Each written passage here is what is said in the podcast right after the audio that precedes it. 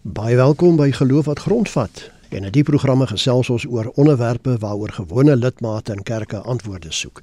En hoe dit 'n mens natuurlik jou geloof prakties kan uitleef. Ek is Flip loods en by my verwelkom ek vir professor Christina Landman. Sy is buitengewone professor in teologie aan Unisa.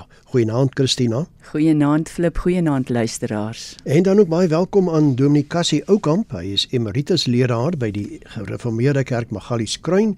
Hy was self ook in die parlement en hy's voorsitter van die Gereformeerde Kerk van Suid-Afrika se gesprek met die owerheid. Goeienaand Cassie. Goeienaand Flip, naand luisteraars.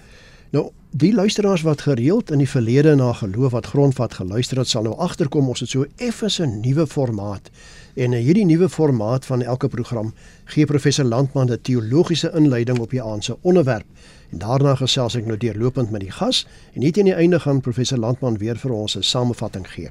Hierdie program gee nie nou jou as luisteraar voorskrifte van presies hoe om te lewe nie, maar wel riglyne waarbinne jy self keuses kan maak. Er is gestem ook nie noodwendig saam met die opinie van enige persoon wat aan die program deelneem nie. Ons hoor soms politieke uitsprake soos dat 'n party sal regeer totdat Jesus weer kom. Of iemand het gesê een van die politieke persoonlikhede moenie my familielid vervolg vir korrupsie nie, die Here sal jou straf. 'n Ander teoloog het eendag gesê godsdiens het die politiek nodig en politiek is kragteloos sonder godsdiens. Nou ja, die vraag is te midde van al hierdie uitsprake, is dit alles korrek? In geloof wat grondvat gesels ons vanaand hieroor. Christina, soos ek aan die begin gesê het, jy gaan vir ons 'n inleiding gee op vanaand se onderwerp. Wat leer die Bybel ons oor godsdiens en politiek? 'n Flip daar's verskillende regeringsstelsels in die Bybel en elkeen het bietjie 'n ander verhouding tussen geloof en politiek. In die Ou Testament dan kry ons 'n teokrasie. Dis nou dat die koning of die regter ehm um, oor die volk uh, regeer namens God en en selfs wanneer die volk onder 'n ander heerskappy is wanneer dit gebeur uh, dikwels in die in die um, Ou Testament dat um, God se volk so genoem en dat hulle sê maar in bannelingskap was of onder 'n ander regering gestaan het. En dan word die word 'n persoon soos Daniël alhoewel hy nou nogal hoog in hierdie bannelingskap regering opbeweeg het dan word hy vereer daarvoor dat hy die ware God se heerskappy erken ken en deur die rituele en die rites van sy volk te van sy volk te volg. Nou in die Nuwe Testament is die Christene onder die beheer van die Romeine um, en hulle het onder 'n keiser gestaan. Ehm um, nou die Romeine het verskriklik baie volke oorheers. Hulle het regtig omtrent die hele uh, bekende wêreld van daai tyd oorheers, maar hulle het hulle eie godsdiens gehad en dit het keiseraanbidding ingesluit. Ehm um, die Romeine was eintlik baie verdraagsaam teenoor die godsdienste van die volke wat hulle ehm um, wat hulle oorwin het. Maar ehm um, daar was keisers, weet ons almal wat die Christene spesifiek vervolg het. Waarskynlik omdat die Christendom so uitgebrei het want teen die 4de eeu het die helfte van die bekende wêreld uit Christene bestaan. So daar's nie eintlik in die Bybel nou 'n stelsel wat ons huidige situasie betref nie. Ons is um, ons het 'n grondwetlike grond, uh, demokrasie, 'n sekulêre staat, uh, maar een wat nie in 'n kerk sal inmeng as die sy eie kerkorde volg nie. Dan jy weet self daar is wel pogings van die staat om die kerke te reguleer, maar um, ja, party kerkleiers keer dit af want hulle wil nie die staat 'n kans gee om vir kerke voor te skryf of hulle te beheer nie. Ander kerkleiers voel weer is 'n goeie ding, maar dan weet gonsgroepies wat hulle self kerke noem, maar die Christendom belaglik maak met allerlei toertjies, dit sal hulle sal dan uitgeskakel word. So, hoe staan dit nou met godsdienst en politiek hier in Suid-Afrika?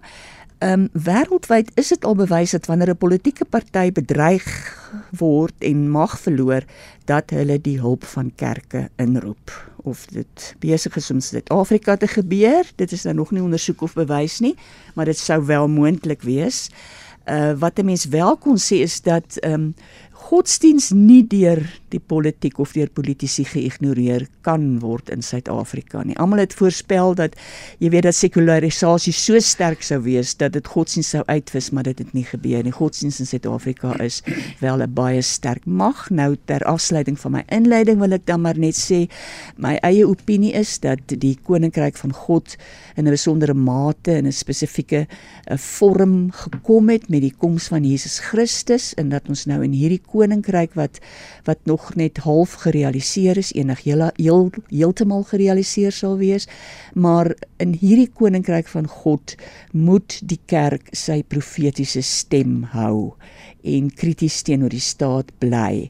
Ehm um, die kerke is deel van die burgerlike samelewing en hulle moet nooit sodanig met die staat word dat hulle hierdie kritiese stem verloor nie. Maar uh, daaroor sal sal Cassie ons meer inlig.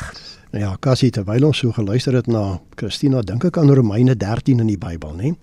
En daar staan dat ons die owerheid moet gehoorsaam. Dit dit is 'n instelling van God. Tongenetjies, beteken dit dat die politiek belangriker of meer verhewe is as godsdiens? 'n Flip, ek dink wat 'n mens baie keer vergeet in hierdie teks, daar staan ook by die owerheid is 'n dienaar van God, jou ten goeie. Nie 'n heerser nie, maar 'n dienaar. En daardeur word die plek van die owerheid ook baie duidelik uitgespel.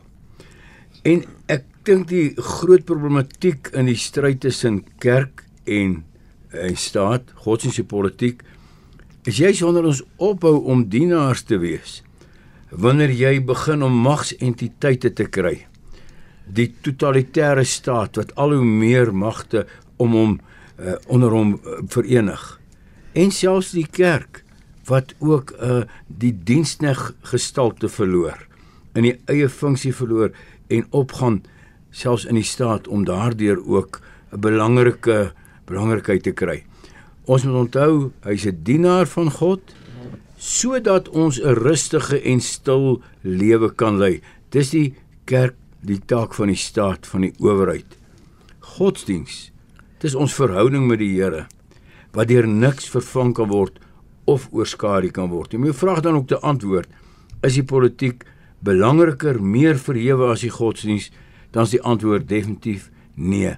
Christina het gepraat van die koninkryk in die koninkryk van God het elkeen sy taak en sy unieke plek en wanneer daai terreine oorskry word dis wanneer daar moeilikheid kom jy praat nou van terreine kassie en nou ervaar ons eh, baie keer dat hierdie terreine in mekaar loop daarom my vraag is hoe maklik of moeilik is dit om godsdiens en politiek van mekaar te skei dit is in een opsig noodsaaklik om dit te doen uh ons het al heilige oorloë gehad juis wanneer politiek en godsdiens nie van mekaar geskei word nie.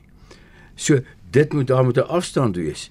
Maar tog kan die politiek nie sonder 'n waardebasis nie. Die politieke keuses wat gemaak word, moet ook 'n waardebasis hê. En daar het die godsdiens, die kerk 'n belangrike belangrike taak. Uh om daaruit getuienis te lewer, om daaruit uit die beginsels wat ons as Christene in die woord van God kry, ook te getuig teenoor die owerheid. Dis nie die kerk se taak om 'n politieke stelsel of 'n politieke party uh, te bevorder of te propageer nie, maar om die waardes van die koninkryk van die Here te verkondig ook aan die owerheid. So, daar moet afstand wees, maar daar moet ook na mekaar geluister word. As ek so dink aan ons drie wat vanaand hier sit in die ateljee, behoort elkeen van ons aan 'n ander kerklike denominasie. Nou sien ek een van die luisteraars stuur julle SMS in, Amon van Bloemfontein. Hy sê alles stuur af op een wêreld ekonomie en dan een wêreld godsdienstkassie, sou dit moontlik wees? Ek weet dis nou Amon van Bloemfontein. Ek dink as ons nou Amos van die Bybel kyk, dan sou ons sê nee. Uh nee dit dit hang af. Wat gaan gelowiges maak? Wat gaan die Christene maak? dit lyk of en daar's ook baie dan moet ek daarom ook by sê daar's baie konspirasie teorieë oor wat alles daar gaan gebeur. Maar ons as gelowiges het ons taak en ons plek in die koninkryk van God en daarom kan ons nie. Dit wat ook baie keer gebeur is dat mense 'n aardige toepassings maak van dinge wat in Openbaringe staan.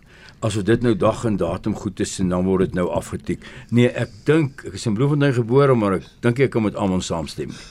Nou die vraag is wat maak jy as Christen Cassie wanneer daar regeringsbesluite is waarmee jy nie kan saamstem nie. Ek dink hier aan abortus wetgewing, die doodstraf wetgewing. Ag ek dink 'n mens kan baie meer nog hier byvoeg. Wat sou jy hierop antwoord? As Christen, die profetiese getuienis. Ek dink Christina het dit genoem. Die regering moet gedaag word voor die morele houdbaarheid van wat hy doen of in wetgewing program uh, promulgeer. Veral juis wanneer die regering totalitêr word en sy terreine oorskry en uh, dan dan is daar die profetiese getuienis waar die kerk vir die owerheid moet sê jy is 'n dienaar. En ons moet onthou, Suid-Afrika is 'n regstaat. Finaliter die grondwethof, nie die parlement wat deur politieke partye oorheers word nie. Ons het 'n grondwetlike demokrasie en ons kan ook die regering voor die howe daag wat al met sukses gebeur het. Maar die kerk se taak is die profetiese getuienis, die so sê die Here, wat ook moet weer klink in die midde van die regering in die hoogste kringe waar daar is. Tot watter mate sou jy sê Cassie kan 'n regering besluit om hom deur godsdienstige besluite te laat lei in die daarstelling van bepaalde wetgewing? Flip ek dink hier so een kinkeltjie in die vraag. Ek sal die woord besluite uitlos. Eh, die regering moet hom nie laat lei deur godsdienstige besluite nie. Dit sal beteken dat ons synodes voorskrifte gee. Maar godsdienstige getuienis, God die prediking, die regering moet hom daardeur laat lei. En nou is dit ook sodat ons in Suid-Afrika 'n diverse land het wat godsdiens betref. Maar dit is sodat eintlik is die getuienis oor die moraliteit en oor korrupsie en oor onderdrukking en oor selfverryking eintlik 'n getuienis wat van al die godsdienstige gemeenskappe in ons land kom. En daarom die, die kerk, die staat moet moet luister. Nou moet ons onthou, politieke leiers roem hulle ook daarop dat hulle Christene is. Wat van die pastoraat na daardie Christen gelowige wat in 'n bepaalde posisie staan? President van 'n land. Ek onthou destyds ou Dominee Willem Posman met Paul Creer. Ek doen maar net 'n voorbeeld, maar so moet ons ook kyk na hoe die politieke leiers ook begelei word individueel met die woord van God. Maar nie besluite nie, kerklike besluite kan nie die politiek lei nie, maar godsdienstige getuienis prediking en ook die getuienis wat ons as gelowiges leef. Anders gaan niemand na ons luister nie. Jy luister na RSG, dis die program Geloof wat grondvat en ons gesels vanaand oor watter verband is daar tussen godsdiens en politiek? Watter een is nou die belangrikste? Ek is Flip Loots en my gaste is professor Christina Landman en Dominee Cassie Oukamp.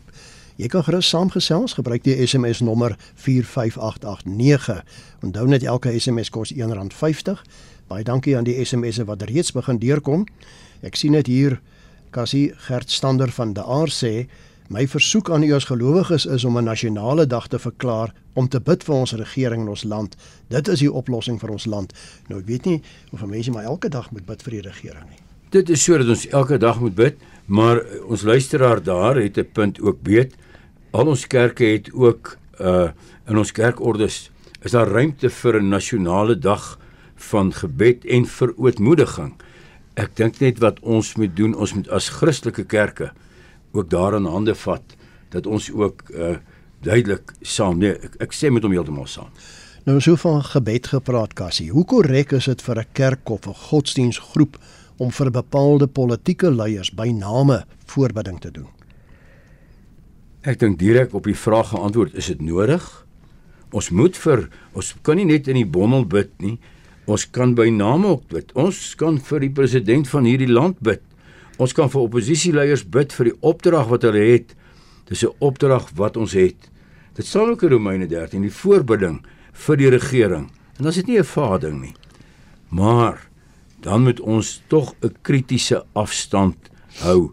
Die kerk mag nooit 'n bepaalde party in gebed wees nie. Dan moet dan ook 'n eerlikheid voor die Here wees. Waar is jy kleiner as wanneer jy voor die Here staan? Dan moet ons pas op dat ons politieke onderrok nie uithang in dit wat ons bid van die Here nie, maar dat ons leiers die leiding, die krag van die Here nodig het. Ons moet en kan daarvoor bid. En dan word ons klein en dan dra ons ons land met leiers en al aan die Here op of ons nou met hulle saamstem of nie. Sonder hom kan hulle nie. Tot watter mate dink jy Cassie, miskien kan Christina bykom as sy wil, mag politiek en godsdiens mekaar kritiseer oor besluite en gebeure of hou jy nou maar net jou afstand? Nee, dit moet gebeur.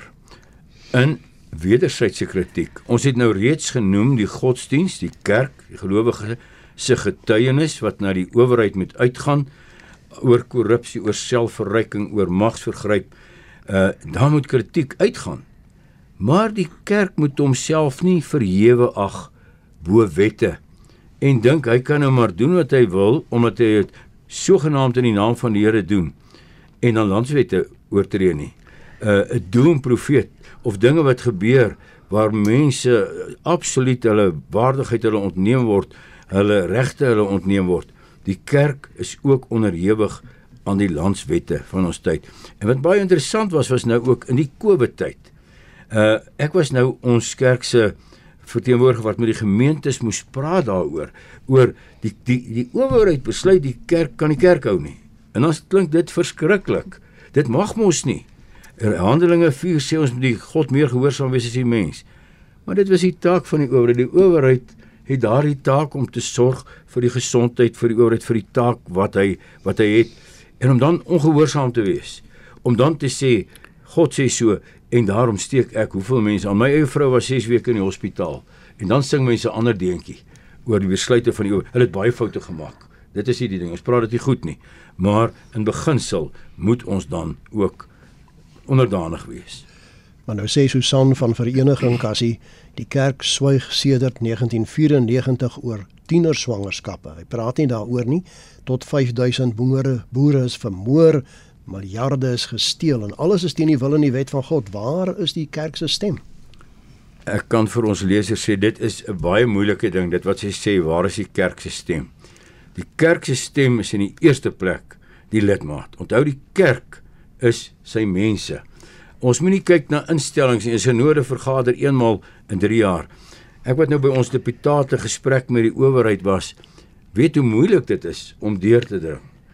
Maar daar moet ons praat oor plaasmoorde, oor tienerswangerskappe, oor hierdie dinge.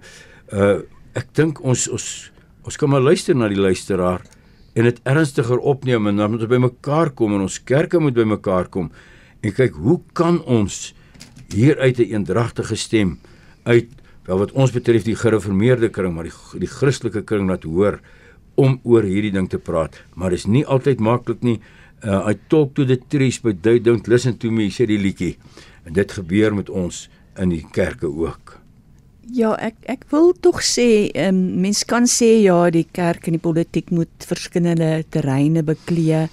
'n Mens kan sê ja, die een moet na die ander een luister en in sekere gevalle moet die kerk maar die staat volg. Maar as jy nou op persoonlike vlak kyk, eh, staan dominees en pastore en kerkleiers dikwels voor hierdie geweldige stryd tussen wat die staat toelaat en wat die kerk nie toelaat nie en ek dink dit het te doen nou met die vraag wat gevra is. Byvoorbeeld nou, sê nou ek is dominee is hier en hier kom 'n meisie en sy is in graad 11 en sy swanger en sy vra vir my, "Help my asseblief om 'n abortus te kry. Die abortuskliniek by die uh, hospitaal is gesluit. Um, leen my 1000 rand sonder dat my ma weet. Wil ek asseblief graag 'n abortus ondergaan want ek kan nie hierdie kind in die wêreld bring nie. Uh, hierdie kind het die reg om nie te lewe nie." Nou met die dominee hierdie etiese besluite neem. Dis dis nie so maklik nie. Jy jy weet. Ehm um, daar is 'n uh, geweldige uh, moeilik dis baie geweldig moeilik om tussen hierdie terreine te onderskei en ek dink kerkleiers sit op grondvlak daarbo by die hoë mense, hulle kan besluite neem en hulle kan sê ons skei hierdie terreine. Ja, ons luister na die na die kerk, ag ons luister na die staat. Byvoorbeeld nog ook in COVID-19 is daar dominees wat voel, weet jy, die die feit dat 'n dominee nie 'n essensiële werker was nie en nie in hospitale kon ingaan nie, het tot geweldige trauma gelei by mense wat nou deur daai proses is en wat mense verloor het wat in die wat in die hospitale dood is. En ons het ons dominees en die pastoor het nie daarteen gebaklei nie. En ehm um, uh, jy weet en dit is een van die dinge waar kerk en kerk en in staat se wette teenoor mekaar gestaan het en waar ons nie regtig ons stem kon laat hoor nie. Ek kan hier dit noem, uh, Christina, dat ons het van ons deputate van die Gereformeerde Kerk 'n spesifiek bewoorde brief aan die regering geskryf juis dat predikante en pastore as noodsaaklike werkers beskou moet word daai mense wat in eensaamheid sonder iemand by hom by hom sterf. En met die tyd het dit 'n bietjie makliker geword. Ek wil nie sê dat na ons stem geluister nie, maar die getuienis moet daar wees en ons moet meer getuig. En ons moet ook onthou by al hierdie dinge, abortus en alles, ons het nie 'n sekulêre grondwet nie. Ons het 'n waardegedrewe grondwet. En ons kan ook op grond daarvan moet ons meer moet ons meer ook saamgaan en kyk maar wat is die waardes wat daarvoor staan en die reg tot lewe is een van daardie waardes. Geld dit ook die ongebore kind. Kassie daar's baie mense wat sê jy praat nie politiek in die kerk nie. Nou waarom nie? Hoekom moet die kerk swyg? My ander vraag as ek net van die ander kant af kan vra mag 'n kerk nie 'n regering ondersteun nie? Moet ons altyd net teen die regering wees of moet ons net neutraal staan of kan ons nie maar die regering ondersteun nie? Ek die kerk kan die regering ondersteun in wat goed is en dit wat goed is en wat die regering doen en ek dink dis nogal belangrik ook omdat die partytetiek en omdat dit verkiesing voor die deur lê dan wil mense niks goed sê van die regering nie. Maar as die regering iets doen wat reg is en wat goed is, dan is dit ook goed dink ek dat die kerk dit wel noem. Dit gee ook 'n eerbaarheid en 'n geloofwaardigheid ook aan ons kritiek wat ons dit doen. Jy praat nie politiek in die kerk nie. Ek dink hier wys daarom meer op partytetiek en dat ons daar ons gevegte moet moet uithou. Maar as ons dink aan die koninkryk, koninkryksteologie, God se soewereiniteit gaan oor alles en ook oor die kerk. Die vraag is altyd wie is die kerk? Wie praat namens die kerk? Dis die lidmate wat ons moet toerus om in die lewe getuienis te laat uitgaan wat hierdie land ook verander. 70 80% Christene. Dan moet ons land mos anders ter lyk. So iewers ter slip ons op. Ek wil net 'n sinnetjie inglip om die situasie weer te um, problematiseer en te sê maar uh, die probleem is die kerke stem nie met mekaar saam nie en ek weet nie ons 'n profetiese stem en 'n duidelike stem teen al hierdie dinge wat die wat die vrou wat die vrou wat die SMS ingestuur het kan laat hoor. As ons met mekaar kan saamleef nie 'n politikus het nou nou vir my gesê sy kan sy kan tradisionele leiers bymekaar roep maar sy kan nie kerkleiers bymekaar roep nie want hulle stem nie saam met mekaar nie. En daar is 'n bietjie um, insig en ondersoek na binne nodig. Dis er dis is hier met die program geloof wat grondvat en ons gesels vanaand oor Watter verband is daar tussen godsdiens en politiek? Wat is nou die belangrikste? Ek is Flip Loots en my gaste is professor Christine Landman en Dominikasie Oukamp. Naas nog so 3-4 minute oor vir die luisteraars om saam te gesels. Gebruik die SMS nommer 45889 45889. Onthou net die SMS se kos R1.50. Kassie 'n moeilike vraag. Mag gelowiges bid vir die val van 'n regering? Dis nie 'n moeilike antwoord nie, natuurlik. As 'n regering 'n land besteel, die armes armer maak, 'n land op 'n doodloopstraat afstuur, dan moet ons bid. Here, soos in Daniël het daardie klip van die koninkryk tog hierdie beeld wat miskien 'n kop van goud het, maar voete van klei, stik en stamp dat die land weer kan vorentoe gaan. In die gebed dink ek moet dit ook gebeur. Maar dan nie uit persoonlike eie eie gewin nie en om 'n stem by die regering te kry en te dink die Here gaan die verkiesing vir ons daardie laat wen nie, maar om werklik waar 'n uh, einde te maak aan 'n totalitarisme wat 'n land op sy knieë bring. Die kerk moet dit doen. Christina, ek dink jy moet vir ons begin saamvat oor alles wat ons vanaand gesê het. Kan godsdienst en politiek met mekaar versoen word? Ja, ek dink wat vir my duidelik was uit vanaand se gesprek is dat ons kan 'n uh, baie goeie ehm um, wette en riglyne vir onsself daarstel um, op 'n uh, op 'n hoë vlak.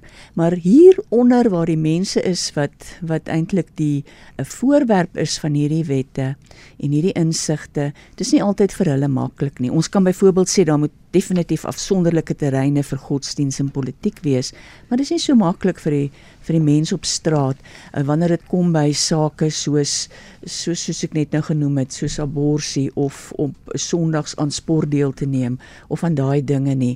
En ons gee nie altyd vir mense op daai vlak vir hulle praktiese raad nie. Wat my ook um, opgeval het dat is dat um, dis regtig uh baie dis ideaal om te sê maar die kerk en die staat moet nou mekaar luister maar elkeen van hulle ding ook maar mee oor sy uh, stukkie koek in die in die, in die groot pastei. Ehm um, uh, o my are wat het ek nou gesê? En maar sy stukkie uh, koek in die in die groter koek. En dan uh, en en en en en daar is politieke mag wat aan albei kante ter sprake is. So dis 'n moeilike saak waaroor ons praat. Kassie ter afsluiting. Watter plek is daar wederzijds in die godsdiens en politiek vir mekaar? Daar is plek vir mekaar. Christina het nou dit hier raak gevat.